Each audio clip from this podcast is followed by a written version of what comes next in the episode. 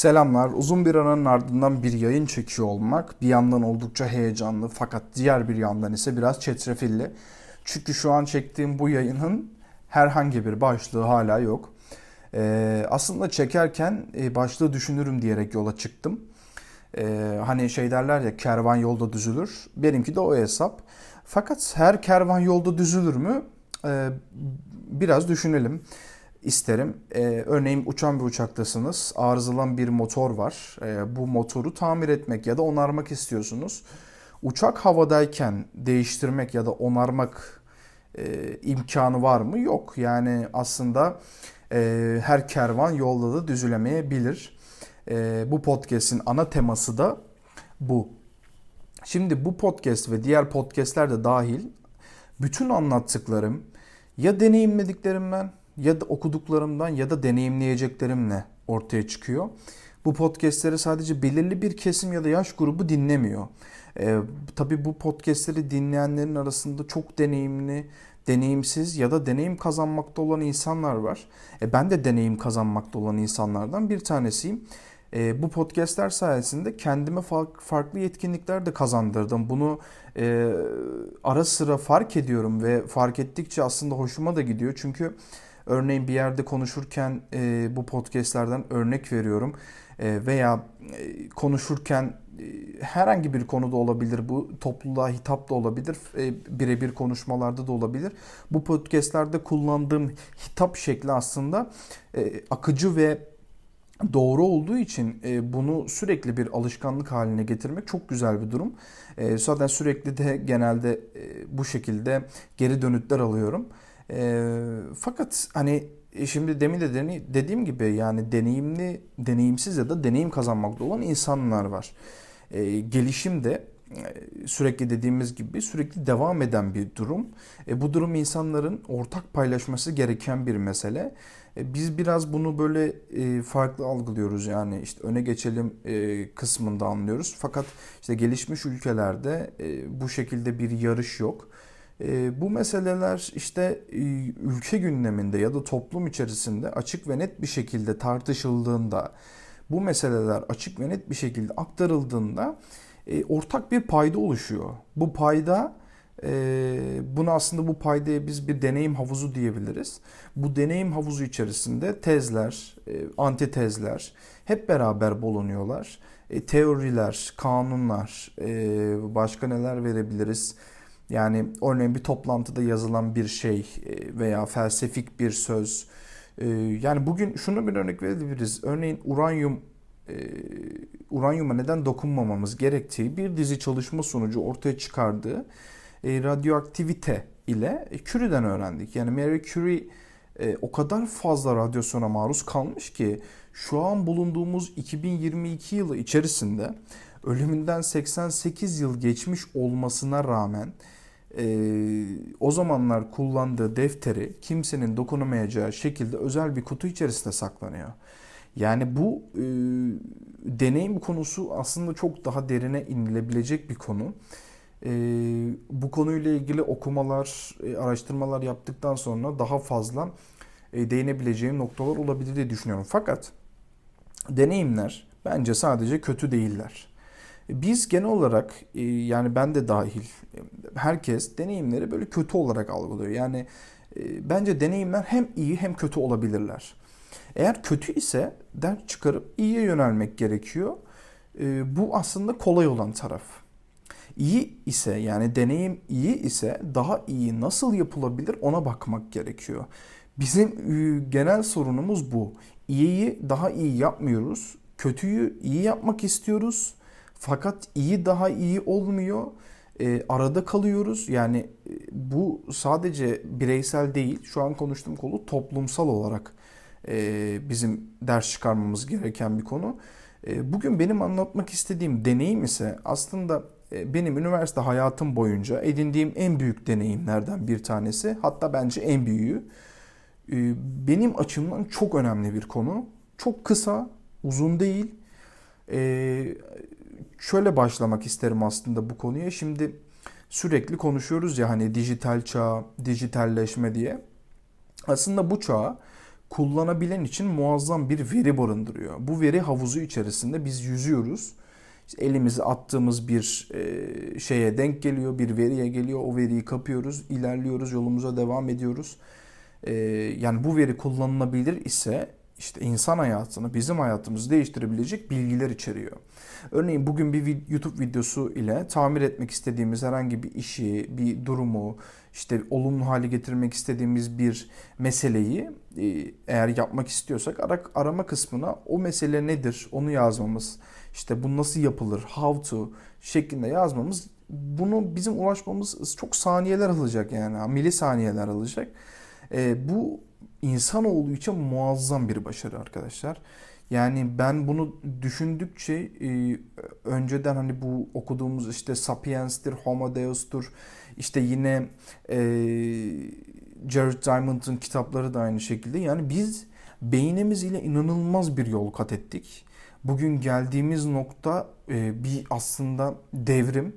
Yani bu devrim sürekli değişiyor ve bu devrim daha iyi şeylere yol açıyor.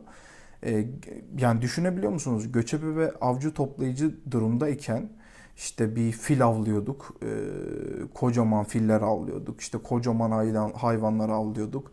E, yani o hayvanları avlarken e, etleri işte pişirerek ya da pişirmeden yerken e, yani avcı toplayıcı ve göçebe haldeyken buralara kadar geldik. Ya bu inanılmaz bir durum. Şu an internet üzerinde bunun bir araştırmasını yapmadım. Anlık olarak konuşuyorum. Fakat internet üzerinde ne kadar bir bilgi var? Yani düşünebiliyor musunuz? Her şeyden milyonlarca, binlerce var. E, tabii bunun olumsuz kısmı da var. Yani e, olumsuz bir bilgi demeyelim de bu nasıl diyelim yanlışlanabilir bilgi çok fazla. E, doğru olmayan bilgi çok fazla. Fakat burada Paracelsus'un dediği gibi e, çok güzel bir ifade bu. Zehir her yerdedir ve hiçbir şey zehirsiz değildir. Dozajı onu zehir de yapabilir, şifa haline de getirebilir. Yani bugün aslında bizim elde ettiğimiz veri e, doğru olabilir, yanlış olabilir. Bunu tartmak, ölçmek bize bağlı, bize kalmış bir şey. E, fakat diğer yandan baktığımızda işte dijitalleşmede işte çocuklar telefona bakmasın bilmem ne olsun şöyle böyle derken e, bu, do, bu dozaj konusu işte onu zehir de yapabilir, şifa haline de getirebilir. Çok fazlası onu zehir yapar e, veya şifa haline getirebilir. Bunu bilemeyiz. Yani çok azı da zehir olabilir, çok fazlası da zehir olabilir. Bu e, işte konudan konuya, durumdan duruya, meseleden meseleye değişecek bir şey. Aslında çok güzel bir söz. E, felsefik olarak düşündüğümüzde de ben çok beğeniyorum açıkçası. Şimdi konumuza dönecek olursak. Dijital dünyada birçok içerik var. Bunları hepimiz izliyoruz, görüyoruz. E, bu içerikler arasında da bir sürü insan bulabiliyoruz. Bu insanlardan bazıları da bizim hayatımızı olumlu etkiler bırakabiliyor. İşte onlardan bir tanesini bugün kendim için anlatmak istiyorum kısaca. Şimdi e, pandemi başlamadan 2-3 ay önce YouTube'da gezinirken Habertürk logolu bir video denk geldim. E, bu video kapak resminde de e, adını bilmediğim bir adam var. Yani diyorum ki bu kim ya? Hani tanımıyorum ben bu adamı. E, fakat yanında İlber Ortaylı var onu biliyorum. E, tabii o adamı tanımamam benim cahilliğim. O ayrı bir konu. Bir de Fatih Altaylı var. Yani yanlış hatırlamıyorsam o videonun kapağı değil de bu e, video başlıklarında ilerlediğinizde böyle bir e, bumerang şeklinde çıkıyor ya veya videom başlıyor artık bilmiyorum. O var. Neyse ben videoya tıkladım. E, fakat işte o adını bilmediğim adam konuşuyor. Fatih Altaylı bir şeyler soruyor. Celal e, şey Celal diyorum. Adını söyledim önceden ama İlber Ortaylı bir şeyler söylüyor vesaire vesaire. Ya o adam, o ismini bilmediğim adam öyle heyecanlı, öyle güzel konuşuyor ki ben şoka girdim. Ya dedim ki bu kim yani? Buna bir bakayım ben. Hani e, tanımıyorum çünkü. E, o isim Celal Şengör e, imiş. Yani ben de o zaman öğrendim. Şimdi tabii Celal Şengör'ü tanımayan yoktur diye düşünüyorum ben. E, şu anda bildiğim için. Fakat o tanımayan olabilir. E, ben de zamanında tanımıyordum sadece şunu söyleyebilirim. Türkiye'nin en büyük jeoloğu Celal Şengör ve dünyada da sayılı isimlerden bir tanesi. Fakat sadece jeoloji alanında değil, aynı zamanda tarih, felsefe, fizik gibi konularda da kendi uzmanlığı kadar bilgili bir adam. Yani inanılmaz bir adam bana göre. E, Celal Şengör tanıdıkça bu nasıl bir insan diyebiliyorsunuz bazen. Çünkü yani her, bir insanın her konuda bilgisi olur mu yani? Hani şey deriz ya biz bazı insanlara her bokolog her konuda bilgisi vardır böyle ama şeydir o bilgi böyle yavandır hani herhangi bir geçerli yoktur ya da böyle çıtı pıtıdır küçüktür, ucundandır yani. Fakat Celal Şengör'de öyle bir bilgi hazinesi var ki ya konuştukça insan dinleyesi geliyor. Benim dinlemediğim videosu, izlemediğim videosu kalmadı yani. Kalmıştır tabii ki de bu özellikle işte Habertürk'teki videolar 2-3 saatlik videolar e, onları böyle yavaş yavaş dinliyorum. İşte e, bugünün konusu aslında bu. Mentorluk ya da buna biz yönderlik de diyebiliriz. E, bu konudan kısaca bahsedeceğim. Fakat şunu söyleyebilirim. Benim üniversite hayatım boyunca e, ikinci sınıfın sonundan itibaren, ikinci sınıftan itibaren e, ben böyle bir şeyleri araştırmaya başladım yavaştan. Bunu ben hissediyorum yani şu an hatırladığım kadarıyla. Böyle bir şeylere bakıyorum ama yani hani ne istiyorum, ne yapmak istiyorum onu bilmiyorum. Aynı zamanda mühendislik okuyorum. Zaten şu an mezunum, bir yerde çalışıyorum. Fakat o zamanlar hani ne yapmak istiyorum ben, e, neler yapabilirim, ne okuyabilirim sürekli de okumak istiyorum ya. Bir kitap alıyorum, bırakıyorum, kitap alıyorum, bırakıyorum. İşte ne bileyim sürekli aynı kitapları evir çevir evir çevir aynı kitaplar aynı yerinde aynı kitaplıkta duruyor falan derken e, Celal Şengör'ü rastladım.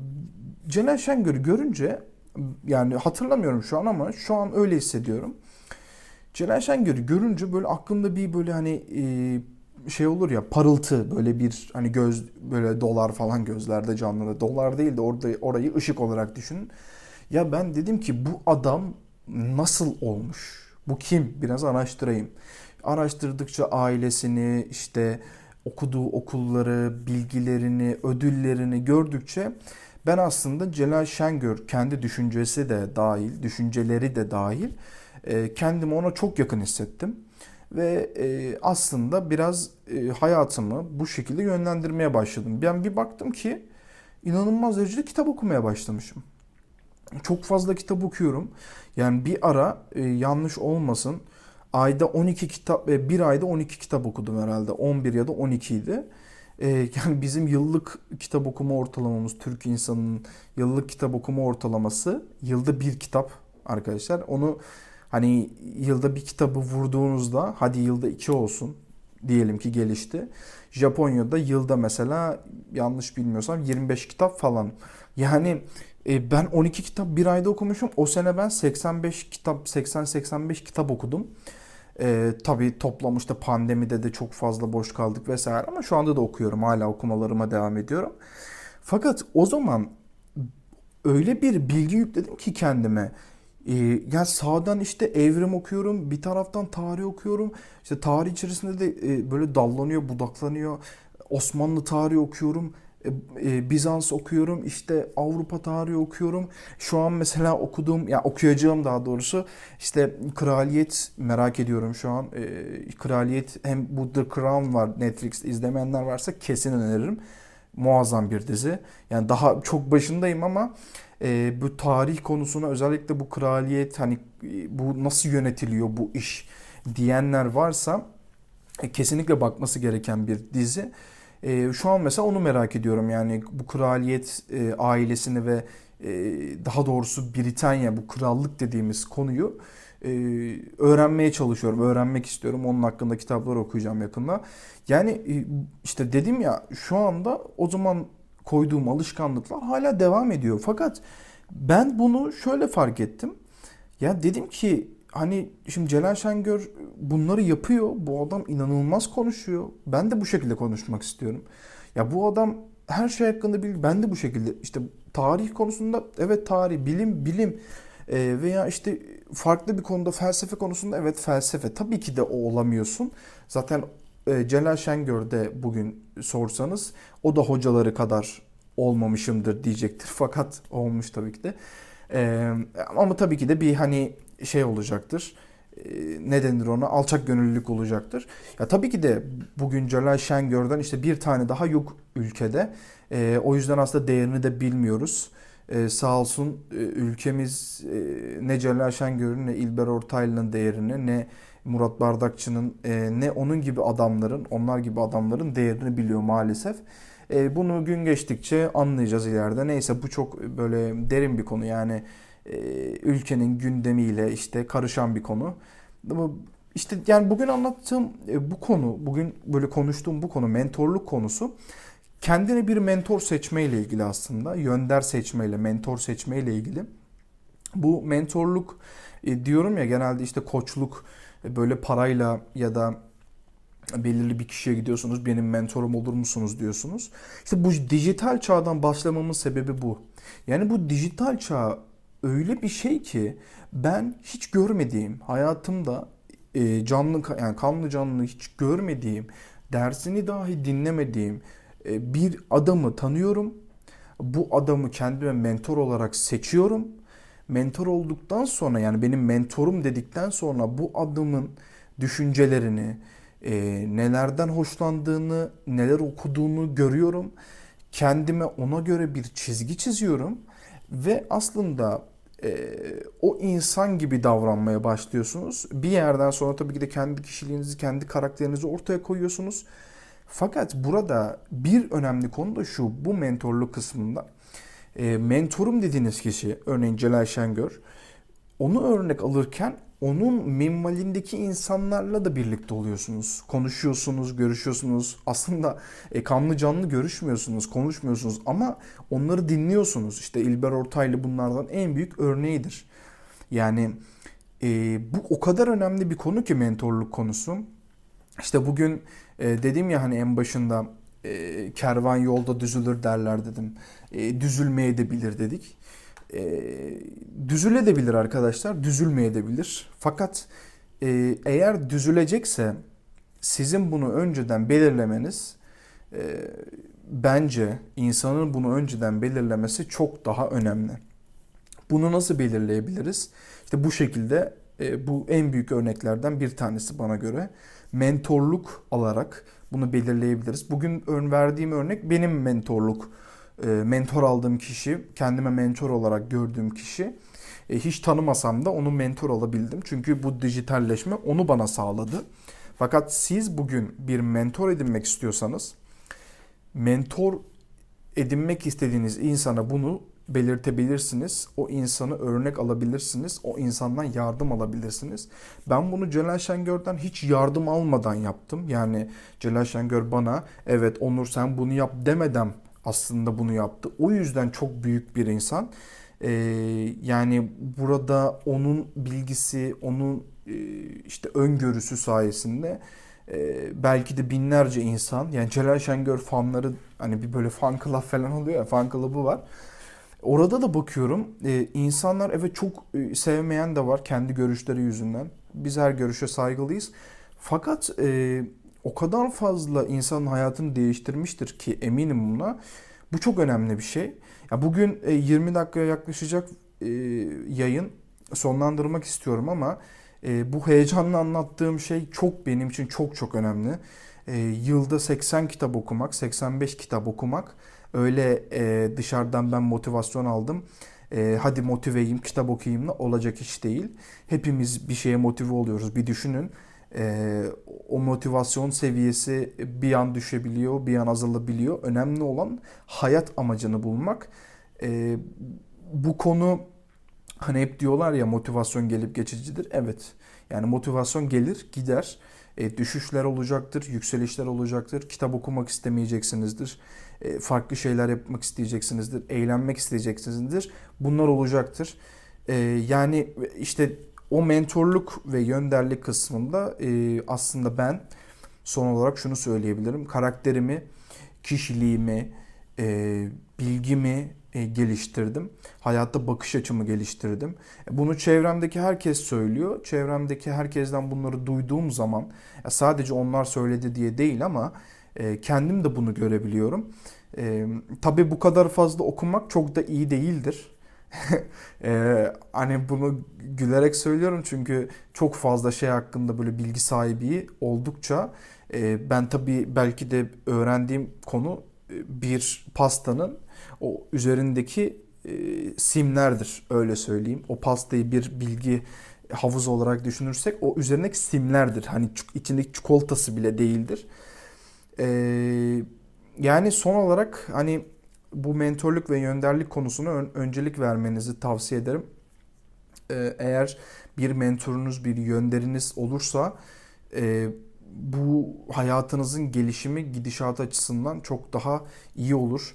Örneğin bunu e, işte bir üniversiteye gitmek istiyorsunuzdur veya bir iş yapmak istiyorsunuzdur. O mentora, o yöndere bakarak e, bu işi gerçekleştirebilirsiniz. Yani ve bu kadar konuştuktan sonra tabii podcast'ın artık e, sonuna geldik. Biraz böyle karmaşık anlatmış olabilirim. Fakat e, anlattığımı düşünüyorum. Çünkü böyle heyecanlı bir şekilde anlattım buna eminim. E, herhangi bir yazılı bir metin olmadan anlattım aslında. En azından önceden böyle bir şeyler yazardım. E, fakat burada bugün konuşmak istediğim şey e, benim içimden gelenlerdi. İnşallah umarım katkısı olur dinleyenler açısından. Benim için çok önemli bir çok önemli olan bir konuyu bugün anlattım. İleride ben de inşallah güzel insanlara faydalı olabilirim. Kendini geliştirmek isteyen, kendini belirli bir noktaya getirmek isteyen insanlara faydalı olabilirim. Tabii ki de ilk önce kendim o konuma gelmem gerekiyor. Buradan podcast'i bitirmeden hayatımda hiç tanımadığım inşallah bir gün e, bu podcast programına da konuk etmek istediğim Celal Şengör'e teşekkürlerimi sunuyorum. E, bana bu bakış açısını yarattığı, bu e, bakış açısını kazandırdığı için e, herkese teşekkür ediyorum dinlediği için. Bir sonraki podcastlerde görüşmek üzere. Kendinize çok iyi bakın. Esen kalın.